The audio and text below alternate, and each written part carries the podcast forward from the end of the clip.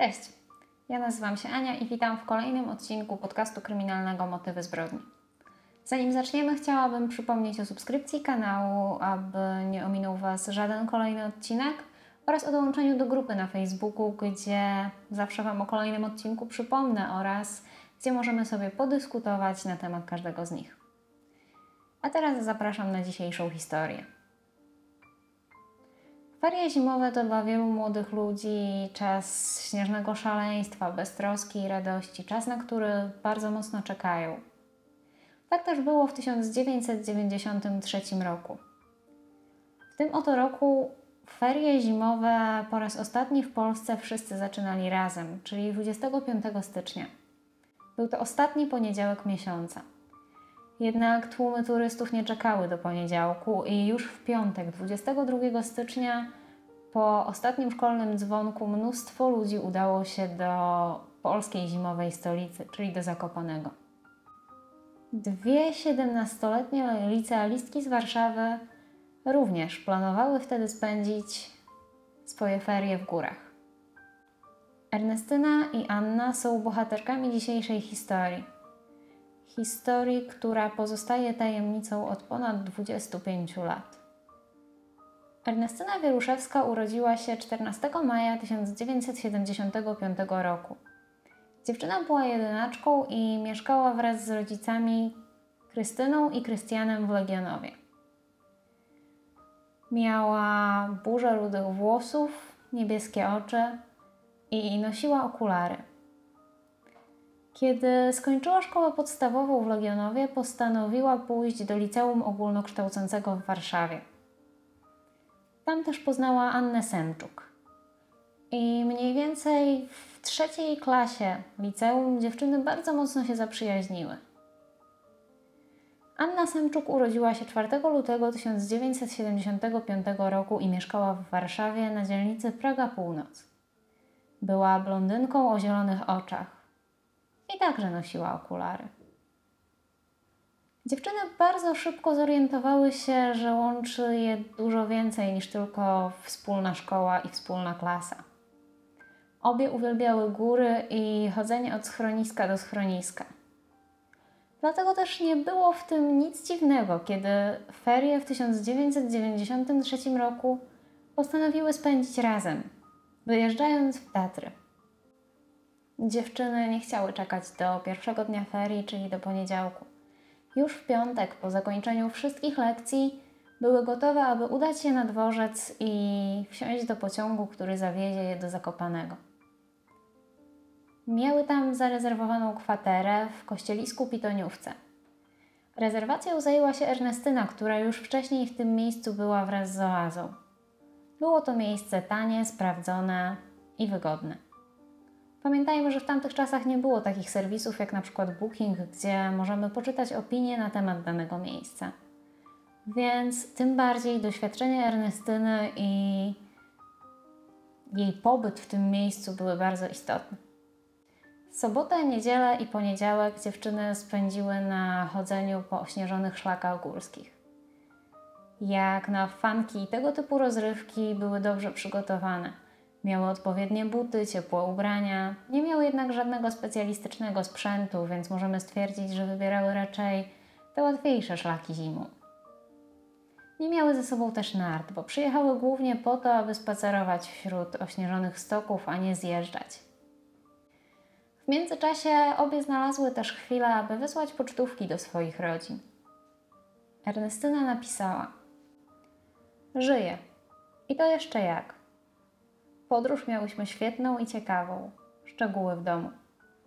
Spadł śnieg, jest mróz i żyjemy jak zimą w górach. Jesteśmy zadowolone. Pozdrowienia z gór. Ania także wysłała krótką wiadomość do swoich rodziców. Słaniam się z nóg, ale Bóg mi świadkiem, to jest to, o czym marzyłam. Ponadto wszystko idzie po naszej myśli. Buty dostałam, śnieg spadł, radosne nastroje są. Gdyby coś z tego uległo zmianie, dam Wam znać. A na razie całuję w oczka, noski i brudki. Do miłego, Wasza Anusia. Anna rzeczywiście miała prawo czuć się zmęczona. Przez te trzy dni dziewczyny odwiedziły wiele miejsc. Były na Gubałówce, w Dolinie Kościeliskiej, nad Czarnym Stawem i jeszcze w kilku miejscach. Dlatego prawdopodobnie 26 stycznia, czyli we wtorek, dziewczyny postanowiły trochę odpocząć. Wstały dość późno, jak na zaplanowany pobyt w Tatrach, gdzie miały chodzić po górach. Obudziły się trochę przed dziewiątą. Tego dnia pogoda nie była korzystna. Wiał silny wiatr i padał śnieg. Zaraz po tym, kiedy się obudziły i ubrały, dziewczyny udały się do właścicielki kwatery, Marii Krzeptowskiej-Sabały, aby opłacić dotychczasowy pobyt. Kobieta przyjęła od nich pieniądze oraz ostrzegła, aby nie wybierały się dziś w góry, bo, jak powiedziała, duje. Mówiła, że jest niebezpiecznie i że to nie jest najlepszy dzień na takie wyprawy. Dziewczyny powiedziały, że tego dnia nie miały takich planów i jedyne, gdzie chcą pojechać, to PKS-em o 9.20 do Zakopanego, aby kupić bilet powrotny do Warszawy, bo tydzień ich ferii tak naprawdę niedługo się kończył, oraz spotkać się z kolegami na dworcu. Kobieta nie widziała, kiedy dziewczyny opuszczały teren posesji. Udała się do budynku gospodarczego i tam też przebywała przez pewien czas. O godzinie 9.20 Ernestyna i Anna wsiadły do PKS-u, który miał zabrać je do Zakopanego. Ale tego nie jesteśmy w stanie na 100% potwierdzić. Mijał dzień, ściemniało się, a Ernestyna i Anna nie wracały do kwatery. Około godziny 19 właścicielka kwatery zaczęła się niepokoić. Przyszło jej do głowy, że być może Mimo, że dziewczyny obiecywały nie iść w górę, poszły. Po rozmowie ze swoją córką, ta córka doszła do wniosku, że być może warto zawiadomić Topr. I tak też zrobiły. Następnego dnia, kiedy okazało się, że Ernestyna i Anna nie wróciły na noc, kobieta bardzo mocno się zaniepokoiła i w tym momencie postanowiła zawiadomić policję oraz rodziców dziewczyn.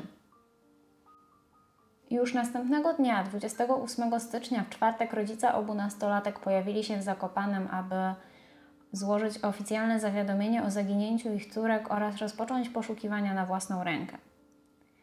Podczas składania zawiadomienia na komisariacie matka Ernestyny wspomina o tym, że policja nie chciała od razu zacząć poszukiwań dziewczyn.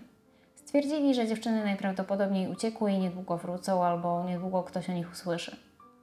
Kobieta jednak od razu zaprzeczała, że, że jej córka nie jest taką nastolatką, że doskonale zna swoją córkę i wie, że nie miałaby żadnego powodu, aby uciekać. Wie też, że obie dziewczyny były skromne i raczej stroniły od szaleństwa i niebezpieczeństw. Jednak policja broniła się, że działania rozpoczęli od razu, a pierwsze co zrobili było to powiadomienie służb granicznych oraz innych służb górskich. Tutaj nie mamy żadnych dowodów, aby wierzyć jednej albo drugiej stronie. Tuż po złożeniu zawiadomienia o zaginięciu rodzice nastolatek udali się do kwatery, do, do pokoju, w którym nocowały nastolatki, aby sprawdzić, jakie rzeczy zostawiły, czy nie ma żadnych śladów tego, co tak naprawdę mogło się wydarzyć. Kiedy weszli do pokoju, wspominają, że było tam przeraźliwie zimno, jakby ktoś wyłączył ogrzewanie dużo, dużo wcześniej. Na miejscu zostały wszystkie rzeczy nastolatek: ciepłe, ciepłe ubrania, buty, a, kosmetyki, aparat fotograficzny marki Rico, paszporty i pieniądze. Kiedy policja również pojawiła się na miejscu i zobaczyła tak naprawdę, że cały bagaż dziewcząt, pieniądze, paszporty, dokumenty, wszystko zostało na miejscu, Teoria o tym, że mogły uciec, zaczęła trochę wydawać się mniej prawdopodobna. Również rodzice ciągle powtarzali, że Ernestyna i Anna nie były tego typu nastolatkami i jest to naprawdę bardzo mało prawdopodobne, żeby uciekły, a tym bardziej, żeby uciekły, utrudniając to sobie w taki sposób, nie zabierając swoich rzeczy, nie zabierając pieniędzy czy paszportów. Nie miało to żadnego logicznego sensu. Policja miała kilka hipotez, które po kolei sprawdzano i odrzucano. Pierwszą z nich i dość logiczną w tej sytuacji była hipoteza o tym, że mimo zaprzeczeń dziewczęta jednak wybrały się w góry. Że mogły pójść w nieodpowiednią pogodę na jakąś górską wyprawę i ulec jakiemuś wypadkowi, przez co nie były w stanie wrócić o własnych siłach. Jednak kiedy policja przeszukiwała pokój, okazało się, że wszystkie ciepłe ubrania zostały na miejscu. Dziewczyny wzięły ze sobą tylko mały plecaczek, a tak naprawdę czas między tym, kiedy się obudziły przed dziewiątą, do odjazdu autobusu, którym miały się dostać do Zakopanego o 9.20, nie pozwoliłby im nawet na to, aby przygotować jakikolwiek prowiant czy chociaż ciepłą herbatę, które byłyby niezbędne w zimową wyprawę w góry. A również rodzice obu dziewcząt podkreślali, że ich córki nie są nieodpowiedzialne, że nie wybrałyby się w góry w nieodpowiednią pogodę, a tym bardziej nie zabierając ze sobą nawet herbaty. Jednak gospodyni i jej syn podkreślali, że ta teoria może być prawdziwa. Tym bardziej, że jak przywołują w poprzednie dni, Ernestyna i Anna również mimo kiepskiej pogody wychodziły w góry. W międzyczasie pojawili się także świadkowie, którzy twierdzą, że widzieli Ernestynę i Annę idące w kierunku Doliny Małej Łąki oraz Czerwonych Wierchów. Tym bardziej teoria o wyjściu w góry wydawała się realna. Topr rozpoczął poszukiwania. W poszukiwaniach e, brali udział Ratownicy brały udział helikoptery i także wtedy po raz pierwszy w Polsce użyto kamer termowizyjnych, które miały pomóc odnaleźć dziewczyny, jeżeli coś im się stało. A przeczesano całe Tatry. Pogoda w czasie poszukiwań była ładna, więc e, jest bardzo małe prawdopodobieństwo, że, że ludzie czegoś mogliby nie zauważyć.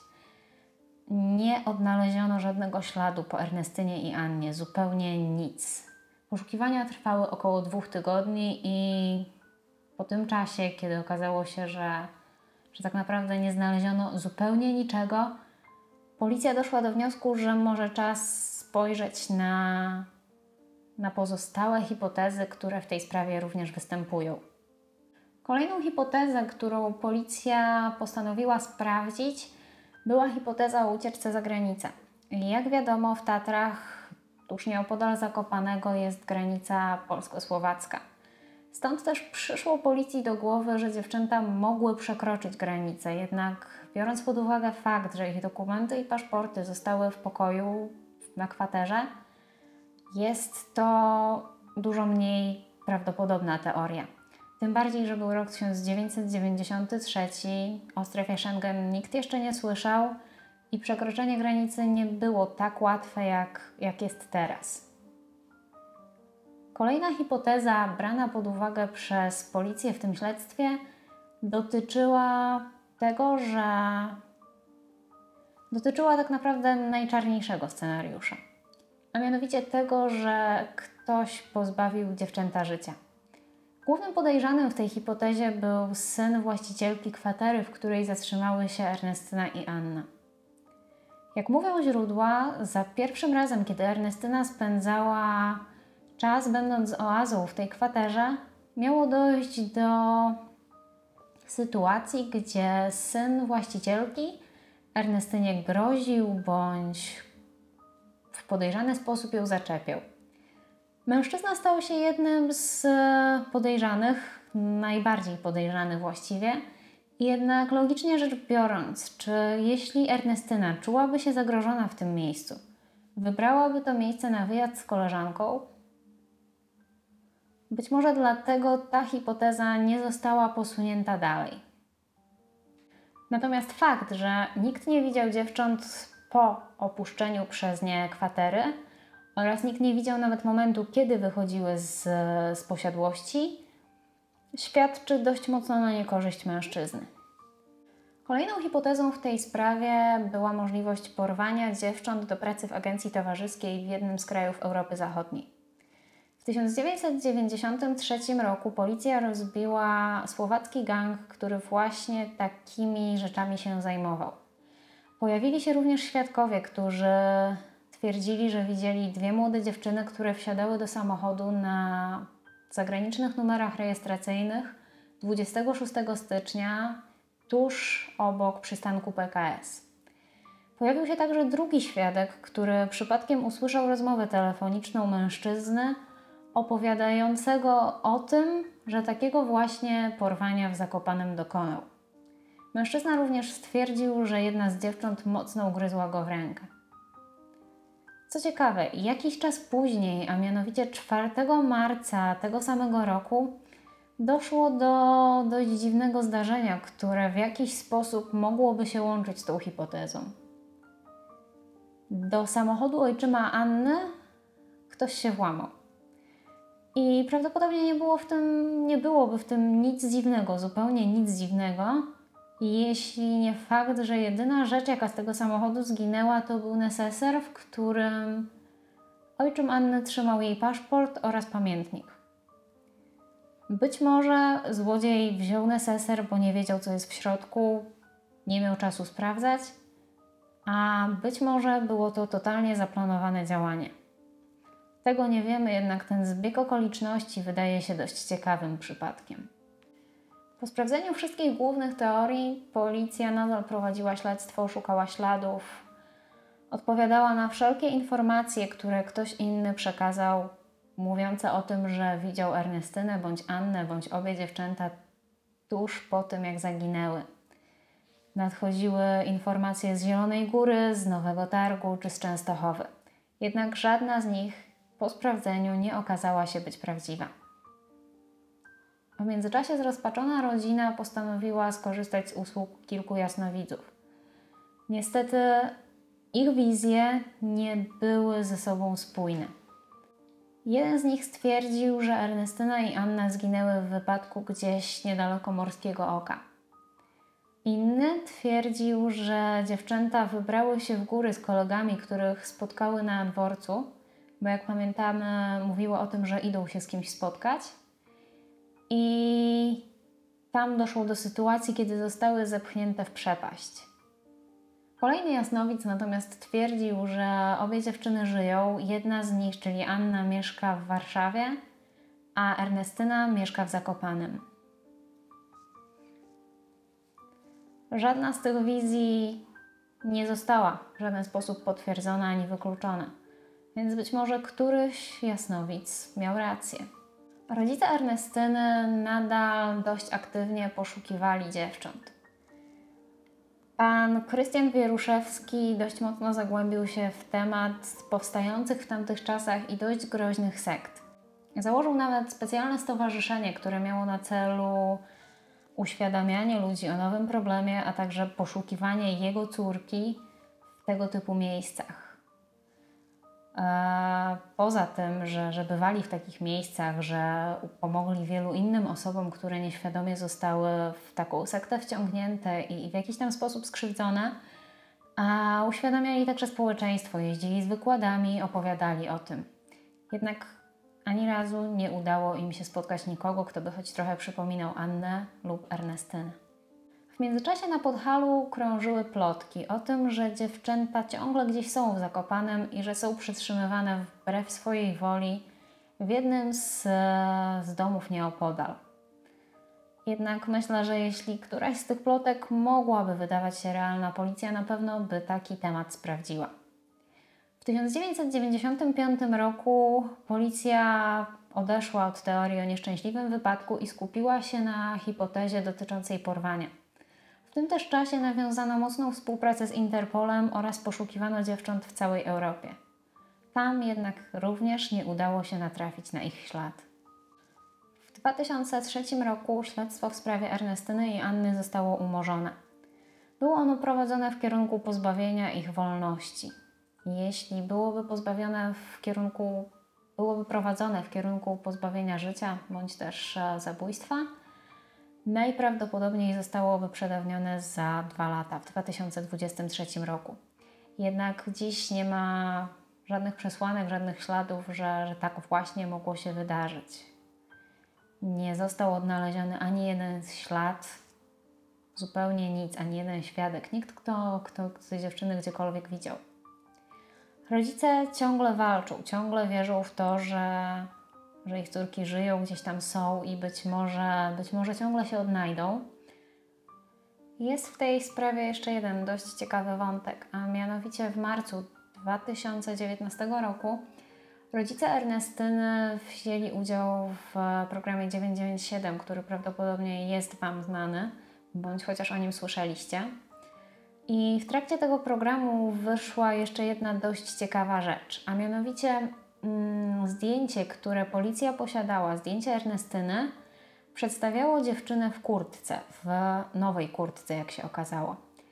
E, Jej matka opowiada o tym, że dziewczyna dostała tą kurtkę w przeddzień wyjazdu do Zakopanego i nigdy nie zostało zrobione jej zdjęcie w tej kurtce jeszcze w Legionowie. Pamiętajmy, był rok 1993, nie było telefonów z aparatem, gdzie można sobie po prostu zrobić zdjęcie w każdej chwili, więc raczej ktokolwiek by zauważył, że dziewczyna robi sobie zdjęcie w tej kurtce.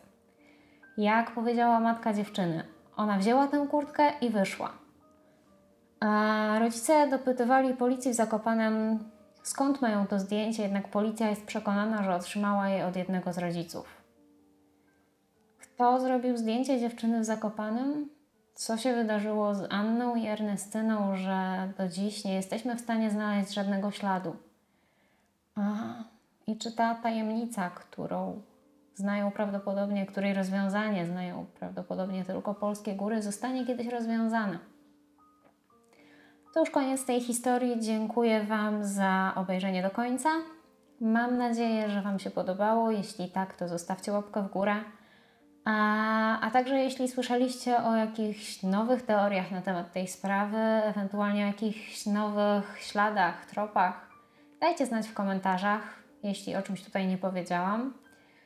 A mam nadzieję, że zobaczymy się za tydzień. Dbajcie o siebie. Cześć.